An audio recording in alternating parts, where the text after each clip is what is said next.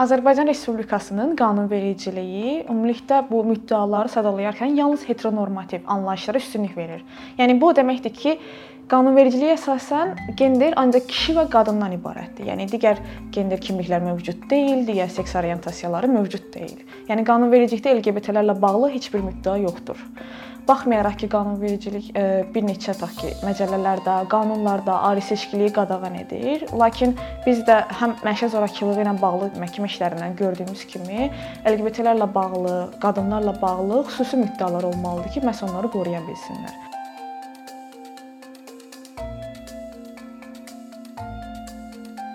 Konstitusiyada baxmayaraq ki, 34-cü maddə bildirir ki, hər kəs müəyyən yaş həddinə çatdıqda evlənmək hüququ var, lakin daha sonra konstitusiyanı oxuduqda biz görürük ki, evlilik hüququ yalnız kişi və qadın arasında nəzərdə tutulmuş, yəni heteroseksual evliliklər nəzərdə tutulur, heteroseksual münasibətləri nəzərdə tutulur. Yəni bu eyni formada özünü ailə məcəlləsində də əks etdirir.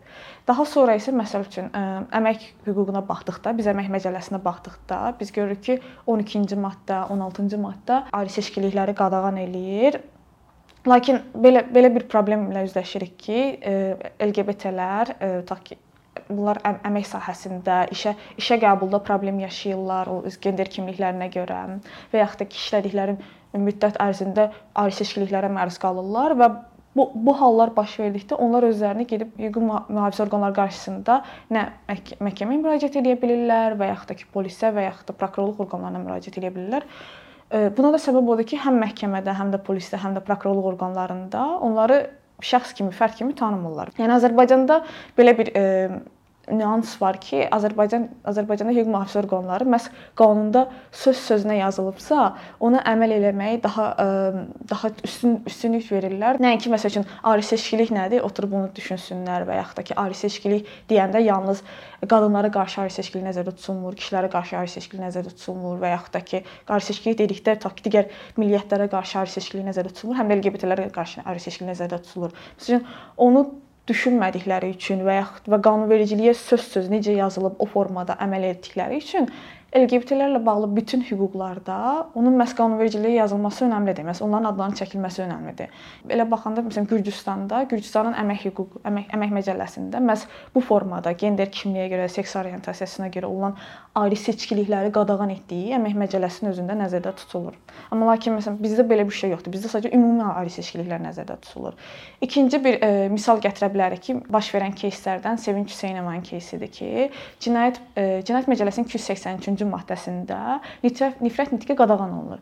Amma nifrət nitqi qadağan olunmasında gender kimlik nəzərdə tutulmayıb orada. Orada e, yalnız məsəl üçün şəxsin milliyyətinə, irqinə görə olan e, nifrət nitqləri nəzərdə tutulub. Amma biz qanunvericilik ümumilikdə ümumi və xüsusi hissələrdən ibarət olur və 283-cü maddə xüsusi hissədir. Yəni ümumi hissə nədir? Prinsiplərdir. Prinsiplər o əhatə eləyir, qanunvericiliyi şəkilləndirir. Yəni bir şey xüsusi hissədə yazılmayıbsa, bir şey və yaxud da ki, söz-söz yazılmayıbsa, sən bu baş verən cinayəti cəzalandırmamalısan, araşdırmamalısan və yaxud da ki, baş verən cinayətlə bağlı cinayəti törədən şəxs cəzasız qalmalı, qalmalıdır mənasına gəlmir. Əgər ə, e, orada gender kimlik sözü yazılmayıbsa, genderinə görə yazılmayıbsa, baş verən cinayət cəzasız qalırsa, bu o deməkdir ki, bu cinayətlər dəfələrlə baş verəcək. Xüsusən biz nifrət nitqidən söhbət gedir, amma nifrət cinayətləri də bir çox hallarda baş verir. Elə bu ilin e, avqust-sentyabr ayında bir trans qadın ə, e, əlləri bağlanaraqdan yandırılmışdı. Bu özü nifrət cinayətidir. Halbuki Gürcüstan qanunvericiliyində, yəni qonşu ölkədir. Gürcüstan qanunvericiliyində bu hal ağırlaşdırıcı hal hesab olunur. Onlar bu formada baş verən cinayətlərdə e, məsələn seks orientasiyası, gender kimliyinə görə olan xüsusi hallar, LGBT-lərlə bağlı olan halları ağırlaşdırıcı hal kimi görür. Amma bizdə bu ağırlaşdırıcı hal deyil. Bu sadə sadə adam öldürməklə ola bilər və yaxud da ki, digər formada ağırlaşdırıcı hallar hesab oluna bilər. Amma məsələn LGBT-lərlə bağlı bu formada ayrı seçkilik, bu formada nifrətin yayılması ilə bağlı ağırlaşdırıcı hal hesab olunmur.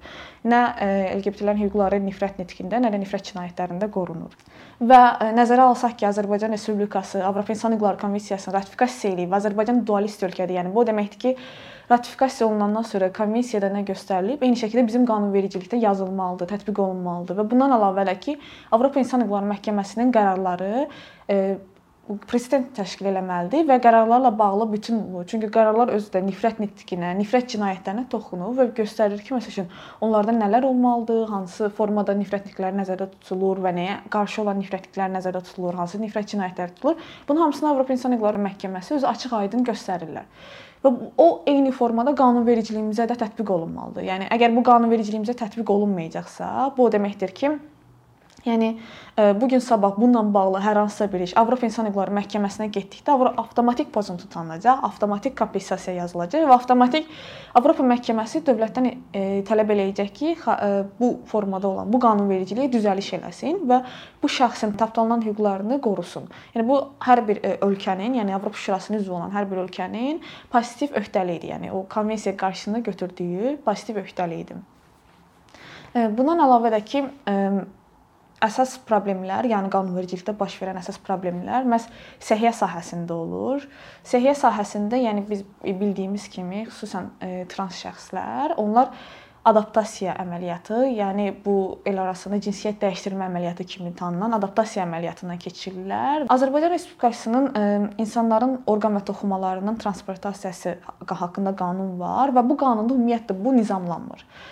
Bu ə, e, Belə bir, yəni bu adaptasiya əməliyyatı, hormonal tədavilər ki, e, trans trans şəxslər, məsəl üçün e, LGBT-lərin ehtiyacları ehtiyacıdır, yəni təməl ehtiyacıdır. Bunlar göstərilməlidir. Necə bizdə dövlət xəstəxanaları pulsuzdur və dövlət xəstəxanaları bu təməl ehtiyacları qarşılamalıdır, bu əsas məsələlərə baxmalıdır. Çünki bu estetik əməliyyat kimi bir şey deyil. Yəni bu şəxsin ehtiyacı olduğu, buna ehtiyacı olduğu bir əməliyyatdır. Yəni bu onun səhhətindən asılı olan bir əməliyyatdır. Nəyə görə?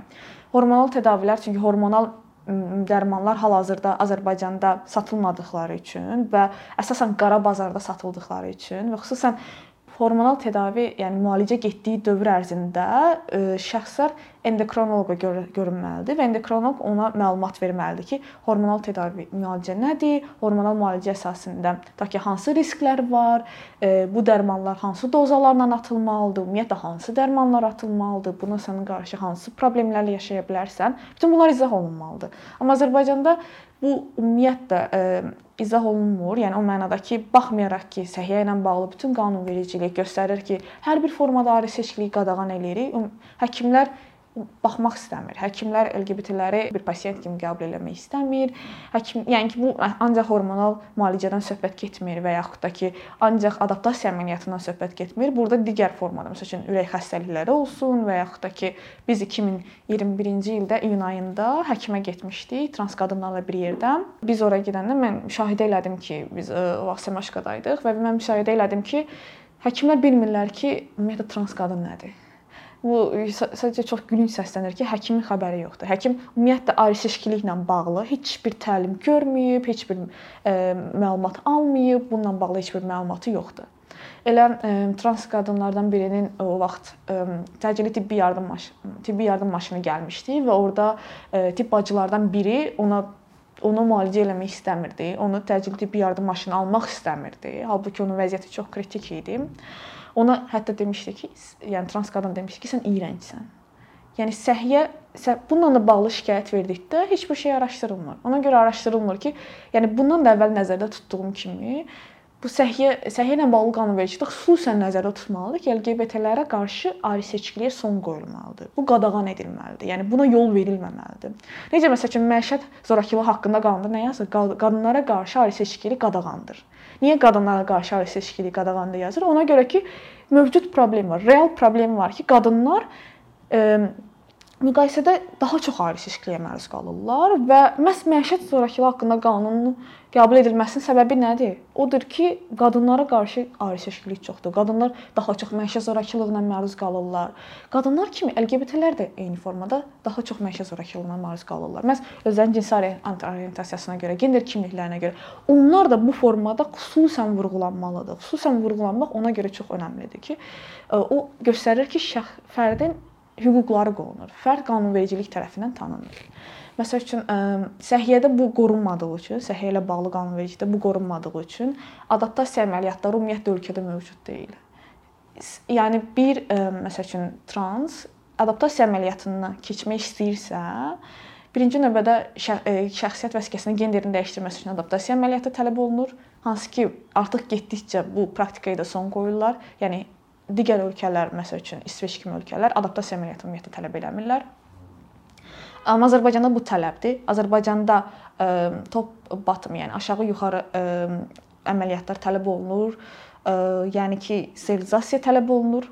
Hansı ki, bu da eyni formada hüquqların pozuntusudur. Bu o deməkdir ki, ya sən ə, öz gender kimliyini seçməlisən və çoxalmadan imtina eləməlisən. Yəni tutaq ki, uşağın olmasından imtina eləməlisən və s. və s. və yaxud da ki, ə, yəni səni seçim qarşısında qoyur və qanunvericilik şəxsi seçim qarşısında qoya bilməz.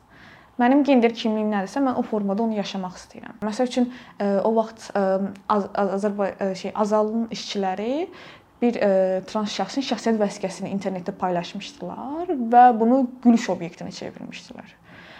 Bu bu nəyə görədir? Ona görə ki, bu şəxslər ə, sərhədi keçərkən, ta ki adaptasiya əməliyyatına görə gedir Türkiyəyə və yaxud da ki dərmanlar üçün gedir Türkiyəyə, hər hansısa bir müalicə üçün gedir Türkiyəyə və qaydanda və yaxud da gedəndə bu formada dövlət orqanları tərəfindən sorğulanmaya məruz qalırlar. Çünki şəxsin şəxsiyyət vəsiqəsindəki şəkli və yaxud da ki gender kimliyi özünün gender kimliyindən fərqlidir. Bu avtomatik problem yaradır və onlara qarşı qısnama olur, onlara onları təhqir eləyirlər sərhəd bölgələrində. Onsuz da ölkədə LGBT-lər ümumiyyətlə dövlət orqanlarına yaxınlaşmır və yaxud da ki polis polis görəndə gizlənirlər, prokurorluq görəndə gizlənirlər. İkinci məsələ adaptasiya əməliyyatından sonra ölkəyə gələn şəxslər adaptasiya əməliyyatından sonra baş verə biləcək hər hansısa bir problemlə bağlı səhiyyəyə müraciət edə bilmirlər. Ona görə ki, bu nizamlanmır qanunvericilikdə. Yəni bununla bağlı heç bir praktika yoxdur və nəsə baş verdi, tutaq ki, hər hansısa bir qanaxma oldu və ya problem oldu, sən gedib müalicə ala biləcəyin həkimlər yoxdur və yaxud da ki, əgər varsa bununla gizli məşğul olurlar, sən gərək axtarasan. Adi ürək həkiminə gedəndə LGBT-lər ta ki soraqlaşırlar, soruşurlar ki, hansı həkimə gedim? Mən hansı həkim mənə qarşı ayrı seçkilik eləməz? Hansı həkim məni müalicə eləyə, bir insan kimi mənə yanaşar? Eyni, yəni bütün bunları araşdıran şəxslər təbii ki, bu formada çox çətinliklərlə məruz qalacaqlar. Evliliklərlə yanaşı qanunvericilik vətəndaş birliklərinə tanınmır. Yəni bu o deməkdir ki, eyni cinsli formada münasibətlərdə bu şəxslər övladlığa uşaq götürə bilmirlər. Şəxslər məsəl üçün sığortadır, vəsadətdir və yaxud da ki, vergi kimi bir neçə bu qanunvericiliklərin onlara imkan verdiyi faydalardan yararlana bilmirlər.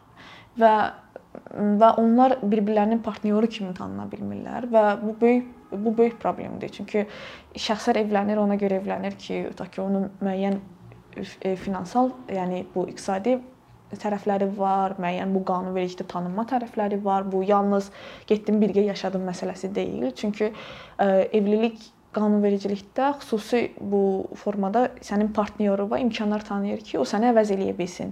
Məhkəmədə əvəz eləyə bilsin, yaxın ki, qohum kimi və yaxud da ki, vəsadətdə əvəz eləyə bilsin və ya siz birgə uşaq götürə bilərsiniz. Bütün bunlar olmadığı üçün onlar bu hüquqlardan məhrumdur. Onlar bir-birlərinin bu qanunvericiliyin e, qanunvericilik altında, qanunvericiliyin tanıdığı bu hüquqlar altında bir-birlərini təmsil etmək, bir-birlərinin yanında olmaq bu formada hüquqlardan da məhrumdular. Azərbaycan Respublikası ümumilikdə nəinki Avropa İnsan Hüquqları Konvensiyası, hansı ki çox tanınandır, həm də 2004-cü ildə dəyişdirilmiş Avropa Sosial Xartiyasına qoşulub və bu sosial xartiya məsəl üçün əmək hüquqlarında, yəni əmək məcəlləsinin əmək məcəlləsinə tətbiq olunacaq bir şeydir. Orda gender kimliklə bağlı, seksual orientasiya ilə bağlı bütün formalar seçkilikləri qadağan eləyir. Yəni Azərbaycan Respublikasının qoşulduğu bu formada beynəlxalq qanunvericiliklər bunları qadağan eləyir. Lakin Azərbaycan Respublikası bunları öz qanunvericiliyinə tətbiq eləmir. Sadəcə ondan yekunlaşdırır ki, ali seçkilik qadağandır və hesab edir ki, bununla bütün e, iş bitdi. Amma qanunvericilik daha izah edici olmalıdır. Qanunvericilik əgər xüsusi bir qrup əgər e, dəfələrlə bu formada hüquq pozuntularına məruz qalırsa, onu xüsusi vurğulanmalıdır və bu baş vermir. Və Azərbaycan Respublikası eyni şəkildə İstanbul Konvensiyasına qoşulmalıdır. Nəyə görə İstanbul Konvensiyası? Ona görə ki, İstanbul Konvensiyası yalnız qanunvericiliyi nəzərdə tutmur, həm də ki, məktəb yaşlarından uşaqlara bu gender kimlik nədir, seksual orientasiya nədir və yaxud da ki, lap olsun adaptasiya əməliyyatı nədir və s. kimi məlumatların ötürülməsi, onlara izah edilməsi deməkdir. Eyni şəkildə İstanbul Konvensiyası məcbur eləyir dövləti ki, QHT-lərlə işləsin. Azərbaycan Respublikasının qanunvericiliyinin bu inkişaf, yəni yazılmasında, qanunvericiliyin yazılmasında, qanun layihələrinin yazılmasında və qanunların qəbul edilməsində QHT-lərin heç bir rolu yoxdur. Yəni onları onların yazdığı hesabatların heç biri əsas götürülmür. Onların verdiyi müraciətlərin heç bir əsas götürülmür. Azərbaycan yəni İstanbul Konvensiyası həm də onu məcbur eləyir ki, dövlət media ilə işləsin. Yəni media şərait yaratsın, həm bu formada mövzular əsas yəni mövzularla bağlı yazılar dərc olunsun, ya araşdırmalar edilsin və media bunu azad şəkildə dərc eləyə bilsin. Eyni şəkildə də medianı qorusun, ta ki, nifrət nitqindən qorusun, nifrət cinayətlərindən qorusun. Məsəl üçün e, Gürcüstanda bu bu tip bu LGBT-lərlə bağlı müzakirələr ona görə daha çox gedir ki, Gürcüstanda azad media, yəni məsəl üçün bu televiziyadır, radiodur və yaxud da ki, qəzetlərdir və yaxud da ki, internet mediasıdır. Azad formada bunu ifadə edə bilər. Azad formada onların baş verən, onların başına gələn baş verən problemləri, onların e, çətinliklərini işıqlandıra bilər. Amma bizdə o yoxdur. Ona görə o yoxdur ki, bizdə ümumiyyətlə azad media məhduddur. Və İstanbul Konvensiyası məcbur eləyir ki, Azərbaycan Respublikası bununla, yəni Azərbaycan dövləti bu media ilə də işləsin. Dövlətin buna marağı olmalıdır. Yəni düzdür, bizdə cəmiyyət özü ayrı seçkili yanaşır, amma məhz cəmiyyət o halda ayrı seçki yanaşmaz ki, əgər görək ki, qanunvericilik bunu qadağan eləyir. Bunu cinayət əməli kimi baxır. Məsəl üçün prokurorluq həqiqətən bu işləri araşdırır və yaxud da ki, dövlət orqanları buna ciddi yanaşırlar. Yəni dövlətin marağı var ki, LGBT-ləri qorusun, onların hüquqlarını tan tanısın. Yəni bizdə qanunlar necə qəbul olunur? Parlament tərəfindən qəbul olunur. Parlament kimdir? Parlament hakimiyyətin bir qoludur. Yəni parlament özü buna maraqlı olmalıdır və yaxud da ki, Konstitusiya Məhkəməsi buna maraqlı olmalıdır bu qanunların qanunları analiz eləyəndə, qanunlara baxanda məhkəmələr maraqlı olmalıdır, polis, prokurorluq maraqlı olmalıdır bütün bunlara və yaxud da ki, bir şikayət göndərir. Şikayət hara göndərilir? Səhiyyə ilə bağlı tutaq ki, Səhiyyə Nazirliyinə şikayət gedir. Nazirliklər buna maraqlı olmalıdır. Məsələn, təhsillə bağlı təhsildə hər hansısa bir tutaq ki, müəllim ali seçkiliyə məruz qalıb, belə deyək. Hara gedir şikayət? Yəni eyni şəkildə Təhsil Nazirliyinə gedir. Nazirliklər maraqlı olmalıdır, məşğulluq xidməti maraqlı olmalıdır. Yəni dövlətin özünün buna heç bir marağı yoxdur. Dövlətin LGBT-lərin hüquqlarını tanımağa heç bir marağı yoxdur. Dövlətin birinci növbədə marağı olmalıdır. Bu maraq qanunverici nazirliyə edilən dəyişikliklərdən ibarətdir. Heç nə demirəm, yəni ancaq Gürcüstana baxmaq olar, Ukraynaya baxmaq olar, digər ölkələrin qanunvericiliyinə baxmaq olar. E, çünki Azərbaycanda LGBT-lər, yəni biz danışırıq tutaq ki, e, Azərbaycanda bir çox siyasi hüquqlar pozulur, Azərbaycanda ifadə azadlığı pozulur. Azərbaycanda LGBT-lərin adi yaşamaq hüququ pozulur. Yəni onlar işgəncəyə məruz qalmamaqdan məhrumdular. Adamlar işgəncəyə məruz qalırlar hər gün, hər saat. Yəni adamların həyatı hər gün, hər saat təhlükədədir.